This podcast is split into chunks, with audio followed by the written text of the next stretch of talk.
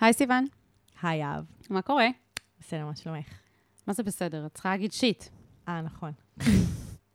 זה לא שיחת חולין רגילה נכון, נכון. ברחוב. את, את לא אומרת הכל בסדר, לא הכל בסדר. תספרי לי נכון. מה לא בסדר. החלטתי uh, לבחור uh, סיפור מצחיק שקרה לי לפני כמה זמן. מהמם. Uh, שיט, שיט של חוסר טקט.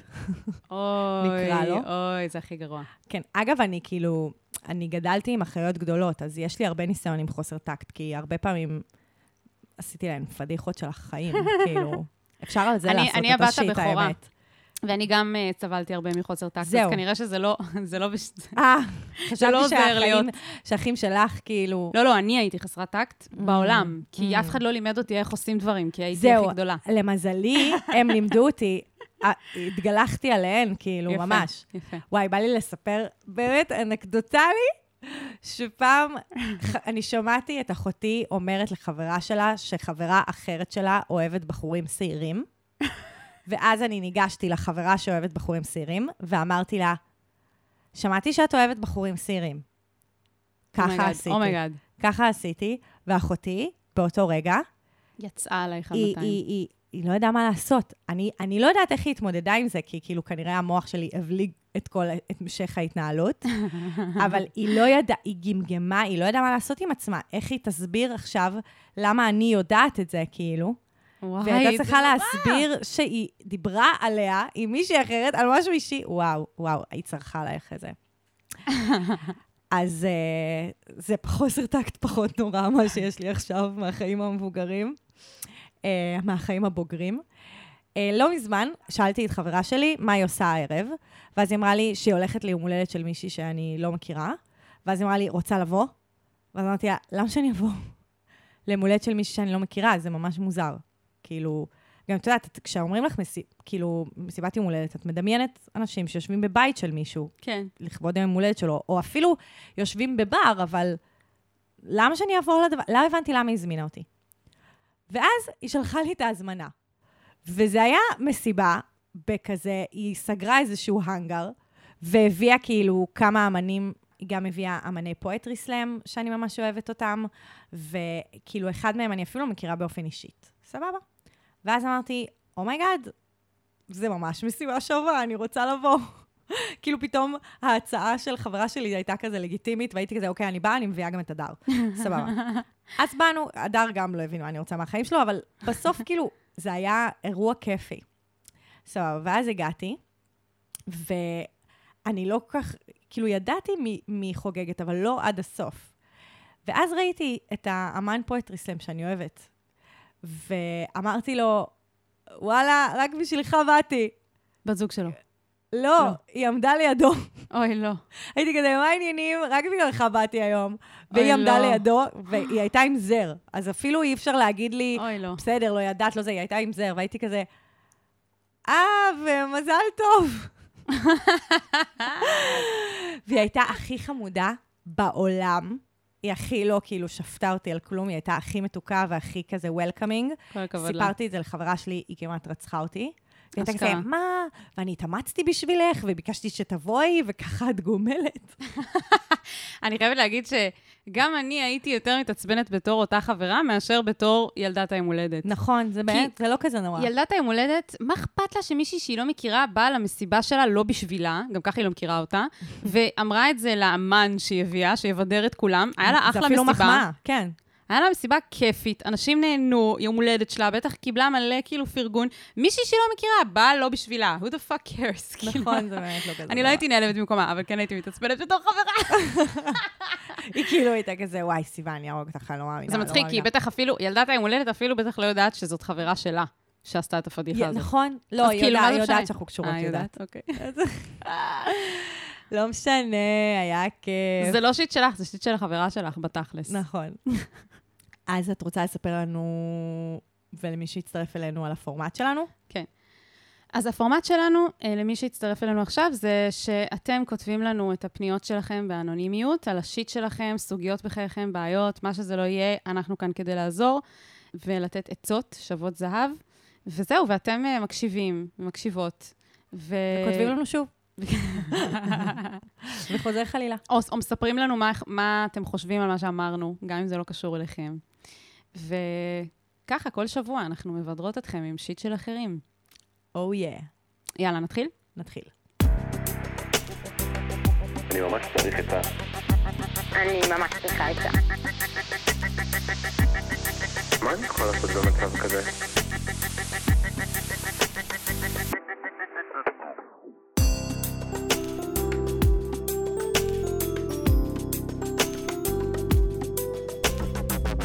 של אחרים. אז הפנייה הראשונה היא מפרידה קלוביץ', בת 38. אהבתי שהיא לקחה, את פרידה קלו והפכה אותה ליהודייה. ממש, אני גם אהבתי את זה. זה כמו שמתאבנים דברים, הופכים אותם לטבעוניים, אז אפשר לייהד דברים. כן. כן. אוקיי, אז uh, לפני כשנה התחלתי טיפול פסיכולוגי. אני גרה ביישוב מרוחק עם מבחר מטפלים מאוד מצומצם, לכן בחרתי במטפל מסוים, למרות שהייתה לי היכרות קודמת איתו. בניגוד לניסיונות כושלים עם מטפלים קודמים, הטיפול עם המטפל הנוכחי מצוין ומשנה חיים עבורי. אבל, עם הזמן התאהבתי בו. טה-טה-טה, סורי, הייתי חייבת. אני חושבת עליו המון ומפנטזת על קשר רומנטי איתו. אני נשואה ומאוד אוהבת את בעלי, ולמרות התאהבותי במטפל, אין בי שום רצון לעזוב את בעלי לטובת זוגיות עם המטפל. הזוגיות שלי עם בעלי לא נפגעה מההתאהבות, ואולי ההפך, החשק המיני שלי בשיאו, ואני שמחה ומלאת חיים כפי שלא הייתי שנים רבות. חשפתי את רגשותיי ואת הבלבול שאני חשה בפני המטפל.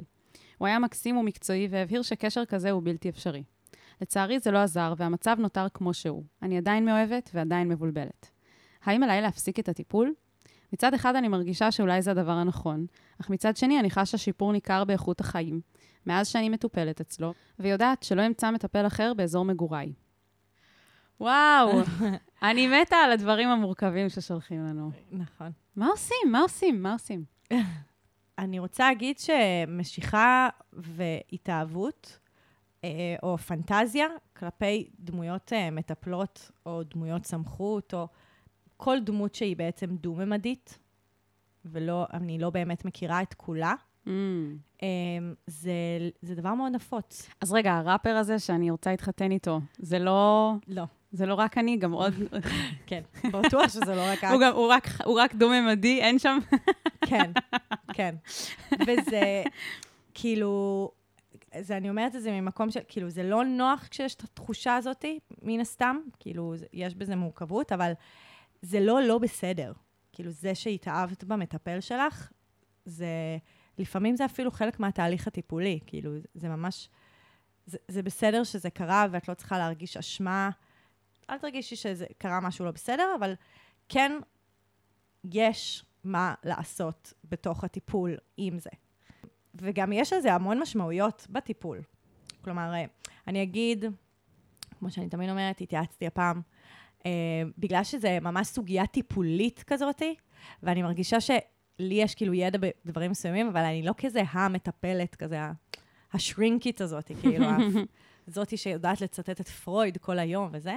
אז התייעצתי גם עם uh, סיוון גלעדי, שאני תמיד מתייעצת איתה, כי היא מלכה ואני אוהבת אותה, והיא uh, פסיכותרפיסטית, והיא מטפלת בנפגעי uh, פגיעה מינית. זה לא קשור, אבל היא פשוט מטפלת שאני סומכת עליה. וגם התייעצתי עם אפרת סופר, שהיא גם פסיכותרפיסטית, והיא מתמחה בטיפול בנוער.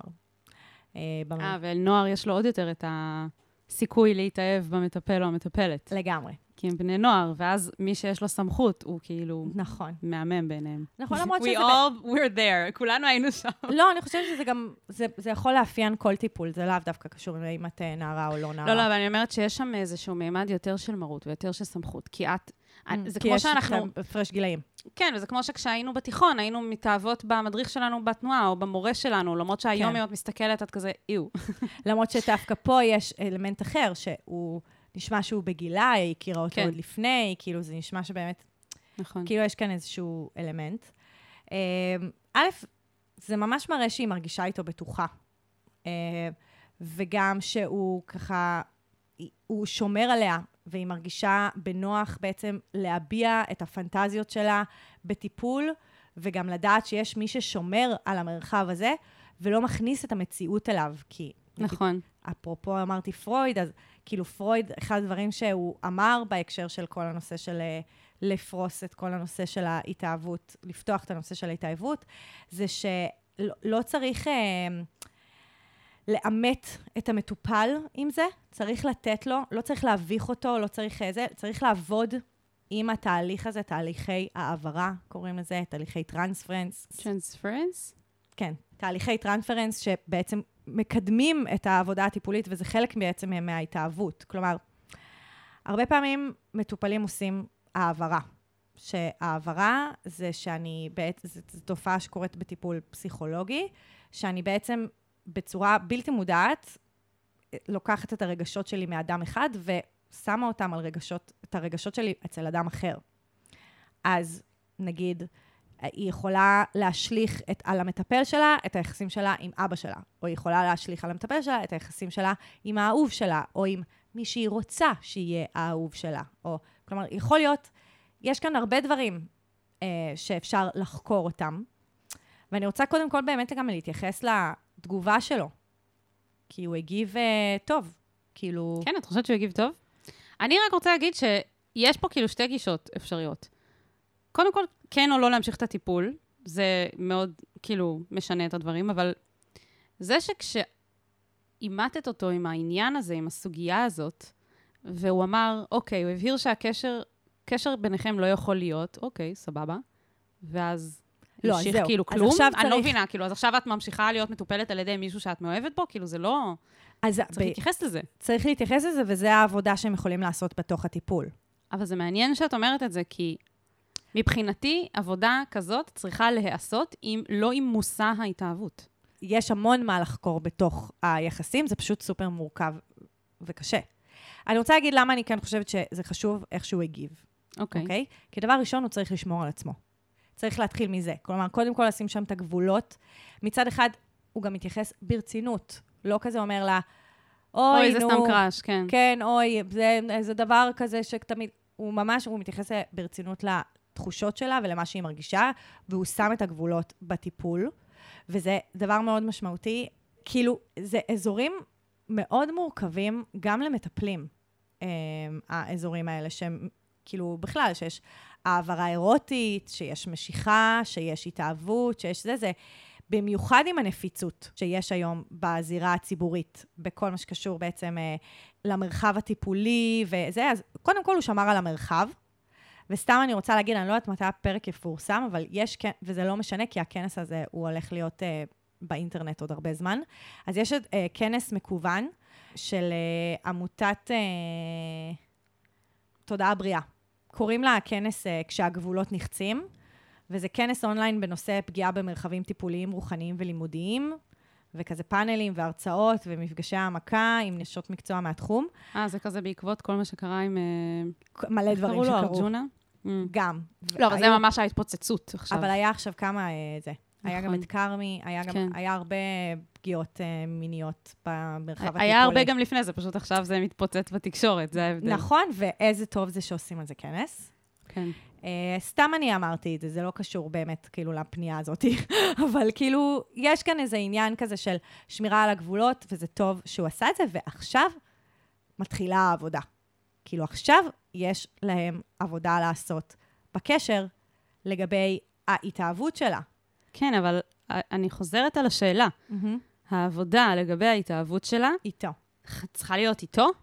היא יכולה לא יודעת, זה להבין נראה לי כאילו נפיץ. מה המשאלה הנפשית שלה בהתאהבות הזאת. מה היא מפרשת, מה היא, כאילו, מה שהיא מפרשת כהתאהבות בתוך הקשר, זה בעצם יכול להיות כמו איזשהו קשר בטוח וטוב, שהיא פתאום חווה אותו, לא, אולי לראשונה, אולי, כאילו, זה, זה שאלות לשאול. גם למשל, תחשבי על זה ש... כמה האינטימיות שיש בטיפול, אה, והחשיפה הרגשית, והאמון, וכל הביטחון שנבנה בקשר, כמה הם יכולים בעצם להעצים המון רגשות, והם יכולים להביא, להוביל לדבר כזה, כלומר, ל, ל, להתאהבות. ובאמת ההתאהבות הזאת, כמו שאת אומרת, היא יכולה להביא את הפריצת גבולות, ומשהו לא מוסרי, ואיזו תחושת העלבה, או בכייה, אה, או דחייה, או פגיעה, או בושה, כאילו, זה יכול להביא המון רגשות כאלה, ובגלל זה זה כל כך חשוב שכאילו יהיה להם את המרחב הבטוח כזה לדבר על זה. כאילו, עצם זה שהיא חשפה את זה מולו, זה- כאילו, וחשפה את, ה, את התחושות האלה מולו, זה מראה כמה היא מרגישה בטוחה בקשר הזה. אז שני דברים להגיד. א', אם היא הייתה גרה במקום יותר מרכזי, עם מבחר יותר גדול של מטפלים, כאילו, אני גם חושבת שזה חלק מהעניין פה. אני חושבת שזה היה מעלה את הסיכויים שעדיף לטפל בדבר הזה. אם, למשל, מטפלת, כי היא כנראה סטרייטית, נגיד, זה כאילו מוריד מהשולחן את האופציה להתאהב בעוד מישהו, נגיד, או פשוט לדבר על זה עם מישהו אחר. אבל לזה, את מתייחסת לזה בצורה מאוד קונקרטית. כן, אני חושבת, ש... אני חושבת שזה לא דבר בהכרח בריא להמשיך להיות מטופלת של מישהו שאת מאוהבת בו, ואני אגיד לך למה. אני, כשאני מאוהבת במישהו, אני לא, אני עיוורת. אני לא, אני לא בתהליך, אני לא יכולה להיות בתהליך טיפולי עם מישהו שאני מאוהבת בו. אין, לא יקרה. זה פשוט לא אפשרי, כי את, את בתוך אה, ספירה אחרת. ודבר שני שאני אגיד זה שבעיניי, יש פה משהו קצת לא פייר כלפי בעלה, ש... לא, לא, היא לא שאלה אה, לגבי האם לשתף אותו או לא, נשמע שהיא לא שיתפה אותו, להמשיך להיות מטופלת אצל מטפל שאת מאוהבת בו, גם אם אתם לא מנהלים איזשהו קשר, ולהסתיר את זה שאת מאוהבת בו מבעלך, בעיניי זה מקום ל... זה מה, מה שנקרא פתח לבלגן. היא יכולה לשתף את זה, את ה... את, כאילו, בן הזוג שלה, אני חושבת ש... כל הדברים האלה הם פוטנציאל לעבודה מטורפת, כאילו. נכון, וגם כל הדברים האלה הם חסר. פוטנציאל אה, לפגיעה. הרס. כן. בסדר, זה הכל צריך צדדים. להיות, זה צריך להיות מנוהל, וזה צריך להיות מדובר, וזה צריך להיות, כאילו, אני ממש לא חושבת שבהכרח הפתרון הוא, אוקיי, מסיימים את הטיפול, וכזה, זה אזור, זה טריטוריה מסוכנת. לא, אפשר להמשיך לעבוד על העניין הזה, ולדבר עליו, ולבדוק עם עצמה מה קורה, ולת... ולספר לבעלה, ולעשות כל מיני דברים. ושאת התהליך הזה ילווה מטפל אחר, או מטפלת אחרת. לא, לא, זה יכול להיות ממש עם המטפל הזה. אני אגיד ככה, היא העלתה את ההתאהבות. אם הם עכשיו כאילו ממשיכים כאילו הכל כרגיל, והם, וזה לא חלק מה... כאילו, הם לא מדברים על זה, אז יש פה זה באמת, כאילו, אז, את- אז באמת יכול להיות הדברים שאת אומרת. כאילו שזה, שהיא לא לגמרי שם ולא זה, אבל יש כאן פוטנציאל לעבודה. כאילו, אוקיי. את יודעת, אנחנו כל הזמן אומרות את זה בהקשרים אחרים, שכשאת הולכת לטיפול, הדבר הכי מרכזי שהוא הטיפול, זה הקשר. בינך שקורה- לבין המטפל, בדיוק, שקורה. בינך לבין המטפל. והחקירה של ההתאהבות, להבין למה היא קרתה, להבין מה, מה, היא, מה משאלות נפשיה, כאילו, סיוון גלעדי אמרה את זה ממש יפה, היא כאילו אמרה, מה היא רוצה? היא רוצה הכרה, היא רוצה אהבה, היא רוצה קבלה, היא רוצה שהם יתאחדו, היא רוצה שהוא יאמץ אותה, היא רוצה ש... כאילו, מרחב שם... בטוח. כאילו- שזה מה שהוא נותן לה, אולי זה כן. כאילו, יכול, כאילו יש שם המון דברים שהיא יכולה לגלות מתוך ההתאהבות הזאת, והיא גם אומרת, הטיפול הזה הוא מאוד משמעותי בשבילה. כן. כאילו, זה לא חיים. סתם קורה, כן, משנה חיים זה באמת הגדרה מאוד אה, זה. וגם, יש כאן גם אה, הזדמנות להכיר ברגשות, ברגשות אהבה. כאילו, גם אם הם לא נית, ניתנים למימוש, בלי שהקשר כאילו נהרס ו- ושומר על הגבולות שלו, אז יש להם כאן בעצם הזדמנות להבין מה זה מרחב בטוח עבורה, מה זו האהבה הזאת, מה זה זה. אני גם רוצה לשלוח אותה ואותנו לקרוא מאמר, מאמר שנוי במחלוקת, אה, שקוראים לו Love in the Afternoon, וזה בעצם על אה, רגשות משיכה ופנטזיה בין מטפל למטופל. או... שבעצם מה שקורה, ב, מה שקורה במאמר זה שהם לוקחים תיאור מקרה לטיפול שבו המטפלת הרגישה עוררות, ואיך הם עשו עם זה עבודה. oh my God, רגע, כן. רגע, רגע, רגע. והמטפלת אמרה למטופל, או... כן, הם דיברו על... שהם- כן. אני לא, אני לא קראתי? את המאמר, אבל בעצם, וואו. הם, הם, הם בעצם... אה, זה דוגמה קלינית לאיך מטפל בעצם הנכיח את ה... אה, קוראים לזה העברה נגדית אירוטית, וזה נחקר כזה מכמה נקודות מבט, וזה שנוי במחלוקת כי בכלל, כל העולם של כל, כל הנושא הזה, של העברה אירוטית ושל משיכה ושל התאהבות בתוך טיפול, משיכה איפה שזה לא צריך להיות, כאילו. כן, זה ממש נושא נפיץ, שקשה לגעת בו, שקשה ללמוד אותו, שקשה... אני למדתי טיפול מיני, ולא נתנו לי כמעט בכלל התייחסות מה? למשיכה, למטופלים שלי. כאילו, זה כאילו נשמע לי כמו הדבר הראשון שצריך לגעת בו. בדיוק, זה סופר סופר סופר, כאילו, היה הרבה עבודה כזה על מה קורה בגוף שלי, ובאופן כללי, כל מיני תחושות שהמטפל מרגיש שאפשר לעבוד איתם. כאילו, תחושת גועל, מה זה אומר? תחושת דחייה, מה זה אומר? תחושת שעמום. כל פעם שאני מרגישה משהו, זה מספר לי משהו לגבי המטופל ואיך הוא, הוא נחווה בעולם הזה. אבל לא היה תחושת משיכה. לא אז נגעו לא בזה. מספיק, לא מספיק. הביאו לי איזה פעם אחת שיעור על זה בתואר שני, ולא למדתי מזה כלום. כאילו, לא, סתם, לא, אני מגזימה, אבל כאילו, זה היה טוב. הנכיחו לי את זה, כאילו, דיברו על זה, שברו את הטאבו, אבל אני באמת מרגישה שכאילו המחקר בזה הוא ממש בפיגור. יואו. והנה, וזה גם, בדיוק בגלל שלא מספיק מדברים על זה, אז קורות הפגיעות, ואז נכון. כאילו, זה המקומות הפול, כאילו שבדיוק מפספסים את זה. אבל אני חושבת שכשהדבר הזה עולה, לא בהכרח הדבר הראשון שהייתי עושה זה לעזוב, כי שוב, היא מספרת כאן על המון חלקים בריאים. תשימי לב, נכון, נכון. גם ההתאהבות, גם הקשר הבטוח, גם... ה- זה התגובה מוסיף שלו. חיות, זה גם מוסיף חיות ליחסים שלה עם בן הזוג שלה. יש משהו שמתעורר, יש מלא חיות בתוך הדבר הזה, יש משהו שמתעורר, שאפשר ללמוד ממנו המון. אז ברור שעכשיו היא צריכה לנווט את הסירה הזאת. כאילו, היא והמטפל צריכים כאילו לנווט את זה, לא רק להגיד, אה, את מאוהבת בי, אז תשמעי, אני לא בעניין, בואי נמשיך הלאה. לא, זה לא מספיק, אבל זה חשוב, כאילו, הסימון גבולות. ועכשיו, לספר לבן הזוג שלה ולשתף אותו ולהבין איך זה משפיע על היחסים, להבין מה חסר לה, להבין מה, מה היא משתוקקת אליו. קיצר, יש כאן פוטנציאל, וגם אני חושבת, וזה אנחנו תמיד עושות כאן, הרבה פעמים מביאים לנו שאלות על טיפול אלינו, כאילו אנחנו היועצות למטפלי, לטיפול מהצד, כאילו. מעניין. זו שאלה להביא לטיפול.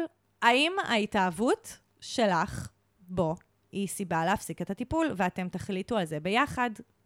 זה משמעותי לעשות את ה... את ה גם אם תחליטו לסיים את הטיפול, וזה יהיה הדבר הנכון, מכל מיני סיבות. כאילו, יכול להיות, את יודעת, גם יכול להיות שהמטפל הזה, הוא לא מרגיש qualified לעבוד עם זה. לעשות את התהליך הזה. כן, וזה גם בסדר. כאילו, אני חושבת שעכשיו אני בתחילת דרכי, יכול להיות שזה היה מאוד מאתגר אותי, ואני הייתי אומרת, טוב, אז אנחנו צריכים לסיים את הטיפול. זה בסדר שכל אחד יעשה, את, את, יהיה מותאם, קשוב לגבולות שלו. גם אם אני המטפלת, אני לא חייבת אה, להשתטח על כל דבר ולעשות כל דבר, גם אם הוא לא מותאם ל, ליכולות שלי. כן, כל אחד צריך להציב את הגבולות. בדיוק. זה גם למידה. יפה. טוב, אז בהצלחה לך, פרידה קלוביץ'. פרידה קלוביץ'. מאחלות לך שיסתדר. מה שלא, מה שלא יקרה, שיסתדר וש... נכון. ותקראי את המאמר. סתם, את כולם, כל המטפלים שיקראו את המאמר. בסדר. אז נמשיך.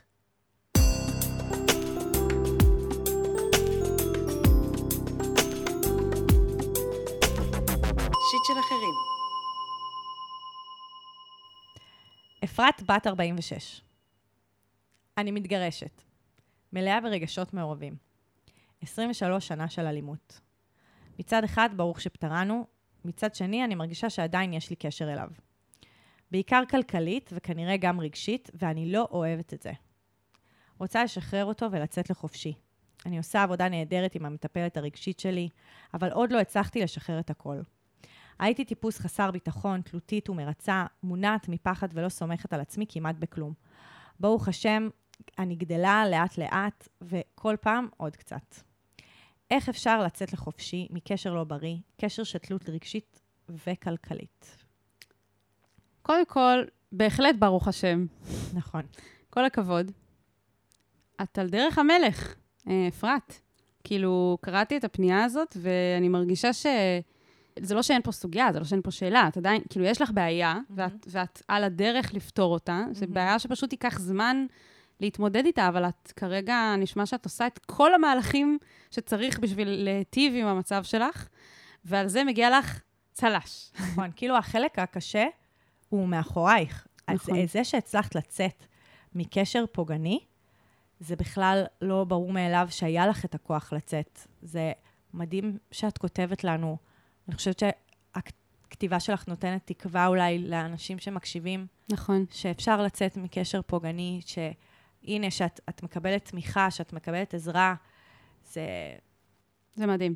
אני גם חושבת שיש פה, אני רוצה לשים דגש על זה שאת עוברת תהליך, ואת תיארת תהליך של 23 שנה בקשר אלים, ועכשיו, לא רק שאת, את לא רק עשית את המוב של אה, להתגרש מבן זוג אלים, אלא ממש עשית שינוי במי שאת. את אומרת, הייתי טיפוס חסר ביטחון, ותלותי, ומרצה, ועכשיו, ומונעת מפחד, ולא סומכת. ועכשיו, התהליך של, כאילו, זה לא, זה שמישהו מתגרש, זה לא הופך אותו לבן אדם אחר. יש תהליך ארוך שצריך לעשות, ואת גם רואה שזה לוקח זמן, ונראה לי שהשאלה פה היא, כאילו, איך לעשות את זה יותר מהר. והתשובה שלי היא, אין דרך לעשות את זה יותר מהר. מהמם. את עושה את זה בקצב שלך, וכמה זמן שזה ייקח לעשות את הטרנספורמציה הזאת, זה ייקח. ונראה לי שכמו שאת אמרת, סיוון, היא כבר אחרי החלק הכי קשה, אבל מהמם. עדיין יש עוד עבודה לעשות. נכון. אז י- כאילו, אז זה, זה עכשיו, את ממשיכה, את ממשיכה עם העבודה הזאת. נכון, י-. יש הרבה פעמים את הפנטזיה שהדבר שעושה לנו רע, ברגע שנסיים אותו, זה יהיה כמו מתג, והכאב יחלוף. נכון. אבל המערכת שלנו היא הרבה יותר איטית מזה, והרבה התאר, כאילו, הרבה התנהגויות הותאמו כדי לשרוד. כלומר, המערכת שלנו היא נכון. אדפטיבית. נכון. והרבה ה- מהרבה מההתנהגויות שלך לאורך ה-23 שנים האלה, אה, הותאמו כדי לשרוד אה, את כל השנים האלה, ואת בעצם צריכה להיות סלחנית לזה שזה לא קורה ביום אחד. סלחנית למי שהיית עד עכשיו, נכון. שהייתה צריכה להפעיל את המנגנונים האלה, וסלחנית למי שעכשיו עוברת טרנספורמציה ממישהי בעלת מנגנונים כאלה, למישהי שעכשיו כבר לא, המנגנונים האלה כבר לא משרתים אותה. מהמם. ועכשיו צריך לאמץ מנגנונים חדשים. מהמם. וזה, זה, כמו שאמרנו, זה לוקח זמן, ואני חושבת שגם, ה, כש, כאילו, יש תלות כלכלית ורגשית, זה מאוד מאוד טבעי שאחרי קשר של 23 שנות נישואים.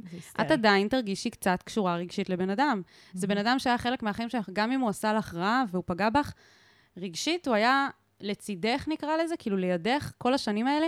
זה הגיוני שייקח זמן להתנתק רגשית מהדבר הזה. לא, אבל אני חושבת שגם יש בזה באמת כאב מאוד גדול. יש משהו בזה שבן אדם פגע בי כל כך הרבה שנים, שאני רוצה למחוק אותו מה- נכון. מקיומי, כי גם זה אוטומטית ישפר את מצבי. אבל אין, אין יכולת למחוק, ויותר מזה, אין יכולת יש- למחוק ברגע. ולא, וגם יש המון, המון משמעות ל- ללמוד מי היית, כדי ללמוד מי את רוצה להיות, כדי ללמוד איזה דברים את רוצה שיהיו אחרת. את לא תוכלי לעשות את זה מבלי העבר שלך. כלומר, את לא, נכון. את לא תוכלי לעשות את זה מבלי להבין את, את המנגנונים מנגנונים שהופעלו, את, את האופן שבו פעלת, ואל מול הדבר הזה, זה, זה, כן. זה חלק בלתי נפרד מהשינוי שאת תעברי. כן, מי שאת היום, היא מי שהיא היום בזכות מי שהיית כל השנים האלה, ובזכות הרגע הזה שהחלטת לעשות את השינוי, ועכשיו זה באיזשהו מקום רק ההתחלה. נכון. כאילו, זה ההתחלה של החיים החדשים שלך בתור uh, מישהי... למרות, היא כן מדברת עצמאית. על זה בלשון עבר, ושזה כן. מאחוריה, שזה יפה, וגם זה נשמע שהיא סומכת על עצמה, ושהיא כאילו, היא, יודע, היא עושה צעדים, היא עושה אותם בצורה מפוקחת כזאת. כן, עם כאילו. טיפול ו...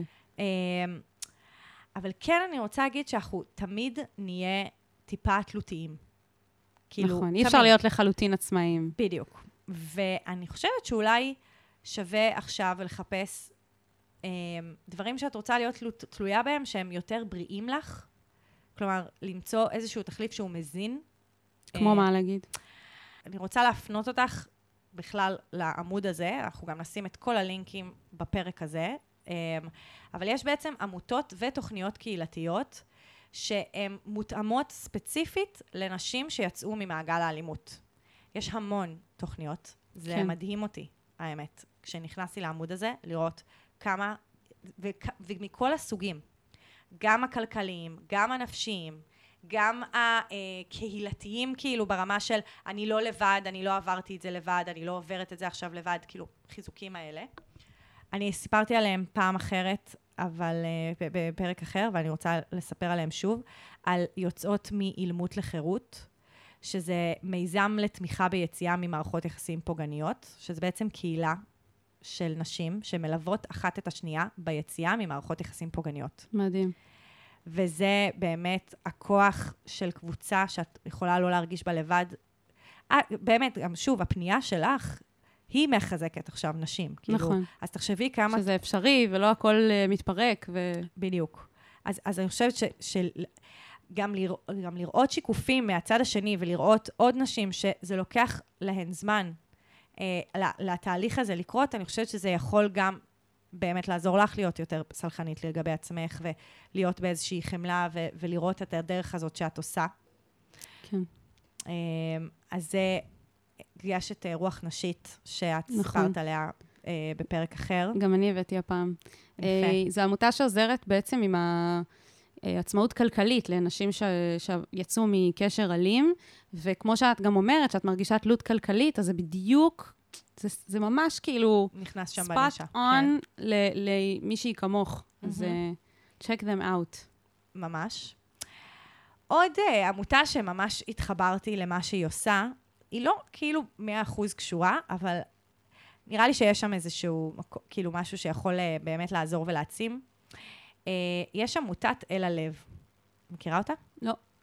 זה חינוך להגנה עצמית מעצימה, כדרך בעצם למימוש אחת מזכויות האדם הבסיסיות שלנו, שזה הזכות לכבוד וביטחון. אה, ובעצם מה שהן עושות, זה שהן עושות כל מיני קבוצות אה, לנשים, ומלמדות אותן ג'ודו, טקוונדו, אה, קראטה, אומנויות לחימה. אומנויות לחימה שונות, אה, וכל מיני חוגים, אימונים, השתלמויות, אה, גם תוכניות למיצוי פוטנציאל, כאילו ממש הכל, הם כזה בכל הארץ גם. ואני חושבת על זה בכל מיני דרכים שאת יכולה להשתלב בדבר הזה, כאילו... גם הרבה פעמים העמותות האלה, הן עושות כאילו משהו שהוא הדגל שלהן.